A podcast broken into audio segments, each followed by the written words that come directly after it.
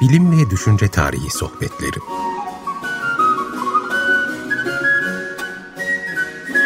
Hazırlayan ve sunanlar Derya Gürses Tarbak ve Doğan Çetinkaya.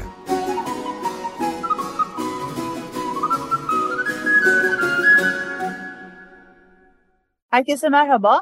Bugün bilim ve düşünce tarihi sohbetlerindeki konuğumuz Hasan Aksakal. Kendisiyle romantik e, düşünce konuşacağız. Düşünce tarihinin e, ilginç e, örneklerinden, düşünce şekillerinden bir tanesi olarak. Önce Hasan hocamızı tanıtmak istiyorum. Kendisi sanırım sırasıyla Witwatersrand, Uludağ ve İstanbul Üniversitelerinde felsefe, uluslararası ilişkiler ve siyaset bilimi arası alanlarında öğrenim görmüştür. Doktorasını 2014'te İstanbul Üniversitesi'nde almıştır, tamamlamıştır. Sonra e, hocamız University of North Carolina at Chapel Hill'de tarih bölümünde doktora sonrası araştırmaları yapmıştır iki sene. Sonra Almanya, Almanya'da Mainz ve Berlin'de araştırmacı olarak bulunuyor. Döndükten sonra Türkiye'ye Alfa yayınlarında editörlük, Orient Institute için çeviriler, Vakıfbank Kültür Yayıncılığı'nın kurucu e, müdürü olarak çalışıyor. Ve e, 2022 yılı itibariyle de değişik üniversitelerde çalıştıktan sonra İstanbul'da Sabahattin Zaim Üniversitesi'nde çalışmaya başlamış e, kendisi. E, yani bu sene itibariyle kitapları var. E, dergilerde araştırma makaleleri var. Ben kitaplarından örnek vermek istiyorum. E, Türk politik kültüründe romantizm, Türk muhafazakarlığı, politik romantizm üzerine yazıları var. Modern Türkiye'de politik yaşam üzerine kitabı var. Ve en son 2021'de yayınlanmış olan Dünyayı Yeniden Büyülemek, Avrupa Romantizminden Portreler adlı kitabı bulunmakta. Hocam hoş geldiniz. Hoş bulduk. Davetiniz için çok teşekkür ederim. Biz de geldiğiniz için çok teşekkür ederiz programa. Şimdi ilk sorumla başlamak istiyorum. Buyursunlar. Ee, kitabınızla, kitaplarınızdan bir tanesinin de adı bu zaten. Ee, romantizmin politik kanalı üzerinden bir konuşma yapmak isterim sizinle. Ne demek politik romantizm? Bize açıklayabilir misiniz? Mümkün mertebe diyeyim. Bir kez daha teşekkür ederek söze başlamak isterim. Ee, romantizm 18. yüzyılın son üçte birlik kesiminde e, çok usul usul, e, kademeli bir biçimde ortaya çıkan bir e, öncelikli olarak edebi hareket. Daha sonra felsefi bir boyut kazanıyor ve nihayetinde Eric Hobsbawm'ın tabiriyle çifte devrim yani hem Fransız devriminin hem de sanayi devriminin yaşanmakta olduğu dönemde amorfluktan çıkıp e, uç vermeye başlayan modern politik ideolojilere eklemleniyor ve onların adeta itici gücü oluyor. Bir başka tabirle e, romantizmin politik yüzü ya da politik romantizm gerçek anlamda ilk defa 1919'da Alman muhafazakar düşünür Karl Schmitt tarafından bu arada e, bu kavram e, bir kitap projesine dönüşmüş.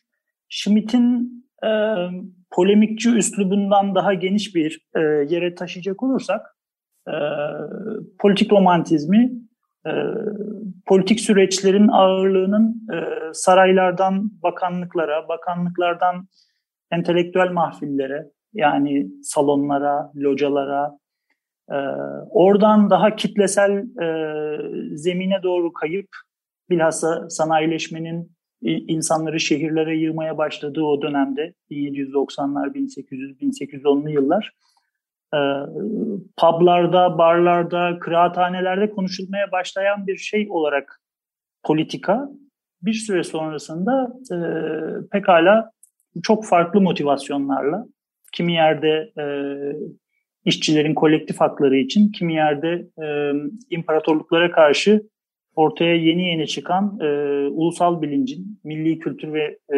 milli devlet yaratma projelerinin taşıyıcısı olmuş.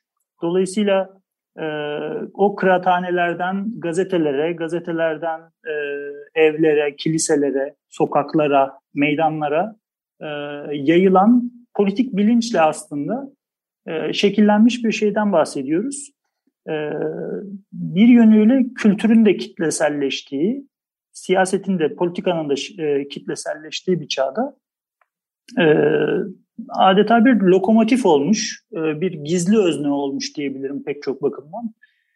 Siyaset biliminde genellikle modern politik ideolojiler için Fransız devrimi milat alınır ve oradan devrim karşıtı bir e, reaksiyoner tavır olarak muhafazakarlık, e, devrimi daha öteye taşımaya dönük e, bir özgürleşme ideolojisi olarak liberalizm, e, devrimin ortaya çıkarmış olduğu yurttaşlık bilinci dolayısıyla, kamusal insan dolayısıyla dile gelen yurt ya da vatan, devlet, millet yeni bir adeta teolojik teslis bir üçleme ortaya çıkmış. E, vatan, millet, devlet şeklinde. E, ve bu beraberinde elbette milliyetçi bir e, söylemi e, ortaya çıkarmış. Bütün bunlarda e, işin hem estetik boyutu, hem entelektüel boyutu, hem kültürel boyutu için çok önemli bir tabiri caizse yol açıcı olmuş romantizm. Zira e, romantizmin kendisinin edebi ya da felsefi boyutuyla ne olduğunu da e, hatırda tutmak e, istediğimizde e, bu noktada benim aklıma hemen Novalis'in ünlü tanımı geliyor. E, şöyle der, e, umarım yanlış söylemiyorumdur. Sıradan şeylere yüksek bir anlam, e, alışılmışa gizemli bir itibar, bilinene bilinmeyenin onuru ve sonluya sonsuz bir görünüm vererek dünyayı romantikleştiriyorum der.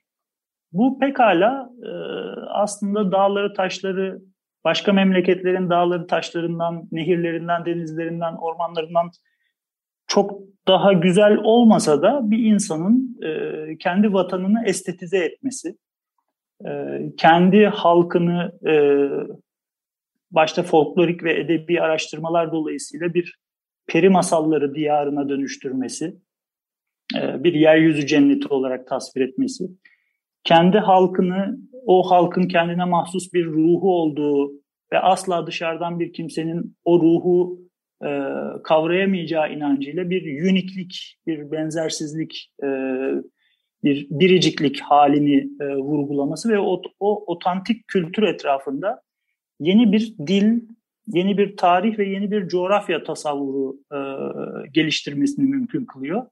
1935'te ee, Ankara'da kurulan Dil ve Tarih Coğrafya Fakültesi'nin aslında bir yönüyle e, zihinsel arka planını size ifade ettiğimin farkındayım. Çok benzer uygulamalar hiç şüphesiz e, imparatorluklardan ulus devletlere geçiş sürecinde yani bir ulus inşa sürecinde ulusal kültür e, yaratımında milliyetçiliğin ama aynı zamanda aydınlanma ve sonrasındaki dünyanın e, değerler manzumesi içinde çok daha özgür, e, çok daha eleştirel e, zekaya ve e, yaklaşıma sahip bir insan tipinin yaratımı içinde e, müzik, e, edebiyat, e, resim, e, tiyatro e, gibi alanlarda e, yepyeni bir e, zihinsel devrim yaratıyor adeta romantizm. Politik boyutu bütün bunlardan besleniyor. Ee, yani örnek vermek gerekirse e, mesela e, Türkiye'deki romantizmin kurucu babası kabul edilen Namık Kemal'in e, ne efsünkârimişsin ah ey didarı hürriyet e, esiri aşkın olduk gerçi kurtulduk e, esaretten diye meşhur bir e, beyti vardır. Şimdi bu özgürlük sevdasını çok kolaylıkla dönemin insanların okur yazarlık bakımından çok daha kısıtlı imkanlara sahip insanların bile kulaktan dudağa, dudaktan kulağa ezberleyip yaygınlaştırmasıyla beraber hürriyet fikrinin kolayca dolaşımını mümkün kılıyor. Ee, bu da politik bilinci e, tabana yaymaya ve oradan doğru bir e, hürriyet söylemini dile getirmeye yol açıyor. Ya da e, defansif bir milliyetçi söylem olarak da e, örnekler verebiliriz elbette Namık Kemal'den. Evet. E, böyle bir çerçeve çizip daha sonrasında belki sizin değerli yorumlarınızla, sorularınızla detaylandırma şansı bulabilirim. Ama büyük kırılma her şeyin toplum içine olduğu varsayımının kabul gördüğü bir bir çağın ifadesi. Ee, işte sanat toplum içindir, fikir toplum içindir, e, siyaset toplum içindir denen bir çağda e, bir yol açıcı olmuş adeta romantizm bütün ideolojiler için. Bu muhafazakarlık için de pekala söylenebilir. E, devrimci hareketler için de söylenebilir. Böyle bir evet. çerçeve çizebiliriz sanırım. Anladım. Çok e, çok açıklayıcı oldu. Çok teşekkürler ama burada benim bir e, araya girip bir soru sorma ihtiyacım var. E, Lütfen, o da şu. E, şimdi ağırlıklı olarak tanımlarken hocam, Hasan hocam, e, ağırlıklı olarak yani sizin söylediğiniz şekilde bu arada şeyi de söylemem gerekiyor. Çalıştığınız konu sizin de dilinizde e, yer etmiş. Siz de çok romantik bir şekilde tanımlıyorsunuz bir sürü e, Buna temayı. çok itiraz edemeyeceğim. evet doğru. Teşekkür ederim ben de. Um, politik romantizmden bahsederken sanırım siz e, ağırlıklı olarak e, genel olarak farklı ideolojilere eklemlenen bir duruş olarak gösterdiniz bize burada. Benim merak ettiğim şey şu, ikinci sorum da bu olacak size. Kendi başına ayakları üzerinde duran bir izim olarak romantizm bir aydınlanma eleştirisi olarak kabul edilebilir mi? Yani miladı oradan alabilir miyiz? Ona bir tepki, aklın aynılaştırıcı e, ya da akılcılığın aynılaştırıcı, pozitivizmin aynılaştırıcı tavrına yönelik olarak bireyin, e, öznenin, e, ruhun ve duygunun ortaya çıkışını e, romantik hareketin başlangıcı olarak değerlendirebilir miyiz acaba? Kocaman bir evet, harika bir soru ve çok da güzel bir çerçeve çizdiniz. Hakikaten bütün anahtar sözcükleri de söylediniz. Aklın tek anahtar olmasına karşı kuvvetli bir itiraz var. Duygu devrimi olarak, bir hissiyat devrimi olarak romantizmden bahsedilir.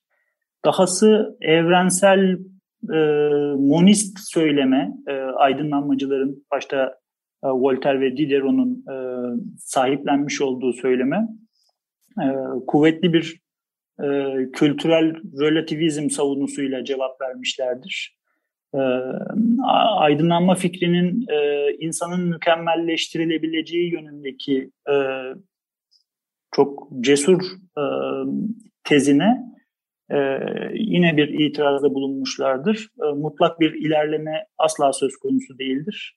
E, ilerleme fikrine karşı dolayısıyla hem tarih felsefesi itibariyle hem e, insanın evrimsel seyrine ilişkin bir e, itirazı dile getirmişlerdir.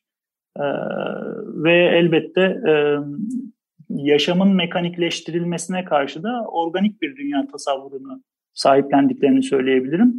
E, bu yönüyle dirimselcilik ya da e, sanırım Türkçe'de vitalist diye de geçiyor. Vitalist, e, evet. Evet, vitalist bir e, yaşamı e, dop dolu yaşamak yönünde bir e, bir bilinç e, devrimi yaratmaya da çalışmışlardır bir yönüyle aydınlanmaya mutlak anlamda e, muhalif olduklarını söyleyebiliriz.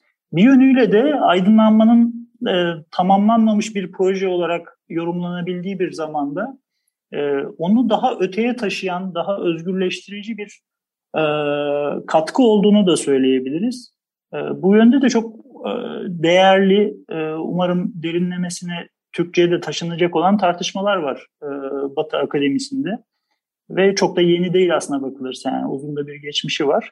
Hı hı. Ee, sadece aydınlanma karşıtlığı değil, e, karşı aydınlanma diye nitelenen bir kavram çerçevesinde de bu mesele ele alınıyor. Ee, yanlış bilmiyorsam ilk olarak Friedrich Nietzsche'nin e, Gegenaufklärung, e, karşı, karşı aydınlanma diye nitelemesi evet. söz konusu.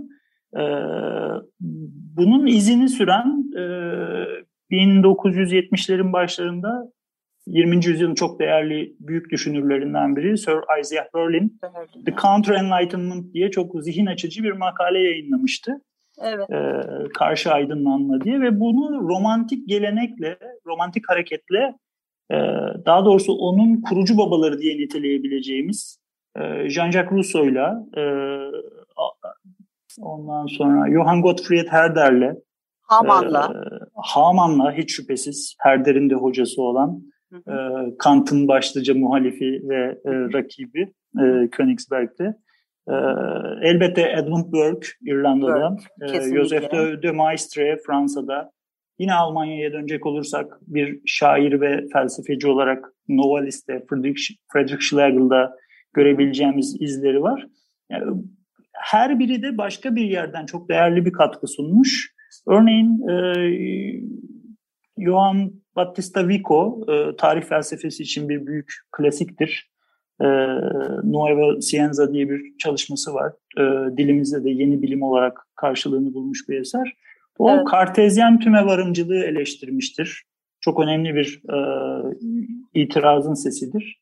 Tarih felsefesi bakımından da o ilerleme söyleminin e, yoluna taş koyan döngüsel tarih felsefesi için önemli bir referanstır. Hı hı. Ee, dediğiniz gibi Haman'ın ve Herder'in e, evrenselci monizme karşı esaslı bir itirazı var. E, bilhassa Herder e, hiçbir kültürün bir diğerinden daha üstün olmadığını, sadece daha farklı olduğunu e, dile getirir ki bu Jean-Jacques Rousseau'nun da e, o olağanüstü bireyselciliğinin e, bir başka ifadesidir. Hı hı. Keza Rousseau da bu aydınlanma karşıtlığı ve karşı aydınlanma arasında salınan e, çizginin çok önemli bir figürü. Temsilcisi evet Malumunuz, kesinlikle. E, kesinlikle. Medeniyeti özgürlüksüzlük olarak niteler. Soylu vahşiden bahseder ve birdenbire e, o Parisyen e, salon beyefendilerinin e, dünyanın merkezi oldukları yönündeki kibirli tavrına e, son derece organik, son derece yaşamsalcı, dirimselci bir yerden, son, son derece e, duygusal ve hatta antirasyonalist bir yerden e, ve göreceliliği hatırlatarak çok e, orijinal bir e, karşı çıkışta bulunur. E, Burke malumunuz Fransız devriminin ilk ve en orijinal eleştirmeni kabul edilir. Devrimci şiddete karşı e, muhafazakar evrimi savunmuştur. E, demek ki tarihte büyük sıçramalar yoktur. Aydınlanmanın e, önde gelen temsilcilerinin iddia ettiğinin aksine. E, Burke'ün muhafazakarlığı yüce fikrini, akıl fikrinin karşısına koyar. Yepyeni bir estetik yorumu getirir dünyaya dair. E, yabanıl olanın e, insan eliyle düzenlenmiş olandan niçin daha az değerli olduğunu düşünmemiz gerektiğini e, sorgular ve ona itiraz evet. eder. Evet. evet. E, ve oradan e, insan eliyle tamamen yapay olan e, şehir, tümüyle insan eliyle yapılmış olan şehir yaşamına karşı tıpkı Jean-Jacques Rousseau gibi, e, tıpkı Novalis gibi, De Maistre gibi onun yozlaştırıcılığına karşı e, ilerlemenin e, getirmiş olduğu müthiş bir karamsarlığa karşı pastoral. doğaya dönüşü evet pastoral, pastoral bir e, şeyi kainatla tabiat anayla kucaklaşmayı savunurlar bunlar bir, bir bütün halde. Evet. Ben hem aydınlanmanın karşıtlığı, muhalifliği, muharızlığı olarak bunu görüyorum. Hem de aydınlanmanın bir takım boşluklarını dolduran, e, onları e, tabiri caizse onların omuzlarına yükselerek daha yukarıdan, daha panoramik bir yerden dünyaya bakma imkanı sağlayan bir şey olarak görüyorum. Anladım. Tabii, omuzlara yükselmek derken insanın aklına hemen Caspar David Friedrich'in o o e, ünlü sis, tablosu geliyor değil evet. mi? Evet, evet, evet. ne kadar ikonik bir şeye dönüşmüştü. Kesinlikle evet. öyle. Evet. Um, bir, bu, bu sorudan sonra e, bir dileğim olacak ama önce bu son sorumu sorayım size isterseniz. E, edebiyat alanında romantik geleneğe örnek vermenizi isteyeceğim. Aslında verdiniz ilk soruda. Ama e, siyasi nitelik barındırıyor muydu hepsi? E, ve barındıranlara örnek verebilir misiniz lütfen? Farklı siyasi niyetleriyle birlikte bize. O harika bir soru. Demek ki politik olan romantizmle politik olmayan romantizm arasında da bir fark gözetmemiz gerektiğini e, görüyoruz. E, evet. Hemen aklıma gelen bir şey, Türkçesi de o kadar güzel, o kadar e, insanları mest eden bir e, dil yetkinliğine sahip ki e, Sayıs çırakları Novalis'in e, insanın doğanın çocuğu olarak genç birkaç insanın e, kendi aralarındaki bir tartışmasını ifade eder. E, edebi romantizmin felsefi romantizmle bütünleştiği ama politik romantizme temas etmediği şahane bir örnektir o. E, çok da kolay ve e, insanın duygu durumunu yükselterek e, okunabilen bir kitaptır. Ondan bahsedebilirim bir küçük örnek olarak. Lütfen. E, po, po, politik romantizm için e, de bir örnek vereyim. Ondan sonra belki bir parça kıyaslamak mümkün olabilir. Hadi herkesin en iyi bildiği örneği vereyim. E, Fransız romantizminin çok büyük temsilcilerinden biri. E, romantizmi edebiyatta özgürleşme olarak tanımlayan Victor Hugo'nun e, Sefilleri. Hı hı. Değil mi? Jean Valjean karakteri sanki hı hı. hayatımızdan bir büyüğümüzmüş gibi hepimizin e, metni okuduğu yıllardan bugünlere kadar hatırasını yaşattığı birisidir. Ve o e, 1830 e, devrimci dalgasının e, işte bir ekmek çalmak zorunda kalan o korkunç sefalet koşulları, e, adil bir toplumsal düzen arayışı, e, hak ve öz, özgürlük talebi e, etrafında e, gezinen bir hikayedir. Evet. E, bunlar arasında ne gibi bir farklılık var diye şöyle ansızın düşündüğümüzde biri gerçekten e, şehirli bir romantizm. Yani politik romantizm e, şehirlileşmiş e, yerlerin e, meseleleri. Çünkü birbirinden farklı köylerden, kırsal alanlardan e, çok da iyi koşullarda olmayan hatta genellikle sefalet koşullarında gelip o sanayileşmenin ilk dalgasında e, altyapısı olmayan şehirlerde korkunç e, sömürü şartlarında e, çalıştırılan e, bir dolu insan var. E, ve çocuklar çalıştırılıyor, e, kadınlar çalıştırılıyor, yaşlılar çalıştırılıyor. Herkesin çalışması gerekiyor. E, ve ortaya çıkan manzara gerçekten korkunç. E, o dönemde e, şehirden kaçıp tabiata sığınan William Wordsworth'un e, eserlerine bakılabilir. Birdenbire doğaya dönüş söyleminin, e, şehirden kaçış söyleminin dile geldiğini görüyoruz. Hı hı. E, birden e, başka bir alana sıçrayabilirim. E, bir politik bilinç yaratması dolayısıyla Adam Mickiewicz Polonya'nın milli şairi kabul edilir. E, evet. Hayattayken aslında e, Polonya diye bir ülke yeryüzünde e, herhangi bir haritada yer almıyordu e, parçalanmıştı e, üç farklı imparatorluk tarafından. Ve Mickiewicz hayatında hiç Polonya diye bir yerde yaşamadı. E, ve e, dönemin pek çok önde gelen e, internasyonel şöhrete sahip e, şairleriyle, sanatçılarıyla da muhatap olan birisi olarak Polonya'nın ve Polonyalılığın varlığını ispat etmeye ömrünü adadı. Hı hı. Bütün şiirlerinde gerçekten e, Polonya'yı e, Avrupa uluslarının huzuru ve e, kendi aralarındaki barışı için çarmıha gerilmiş bir İsa olarak resmetti. Polonya Katolisizmi ile Polonya milliyetçiliği arasında çok kuvvetli de bir bağ kurmuştur o, onun şiirleri. Hı. E, kendisi kısmen e, İstanbulludur da ömrünün son dönemlerinde e, Polonya'nın Polonya'nın e, işgalcilerinden Rusya'ya karşı Kırım Harbi sırasında İstanbul'a gelmiş, gönüllüler taburuna komutanlık etmiştir. Ee, benim de yaşamakta olduğum Beyoğlu'nda e, bir tarlabaşı tarafında bir evde kalmıştır. Bugün de bir müze orası. Ee, evet. İlgilisine söylemiş olalım. Ee, keza Yunan bağımsızlığı, e, Yunan milliyetçiliği adına Dionysos Solomos'un şiirleri çok patriotik temalar etrafında Dönüyor, değil mi? E, politik söylem şekillendirir. Bunun ee, hocam, gibi daha başka pek çok şey, şey sayabiliriz. Evet evet. Ama, ee, şöyle iki, iki dileğim oluştu şimdi sizde. Ee, yani süremiz bitti ama benim iki dileğim var. Ee, bunlardan bir tanesi e, aydınlanma karşıtlığı ya da karşı aydınlanma ikisi birbirinden farklı da değerlendirilebilir. Bir Isaiah Berlin konuşması yapalım sizinle ileriki haftalarda e, isterim. Seve seve. E, ben de çok memnun olurum.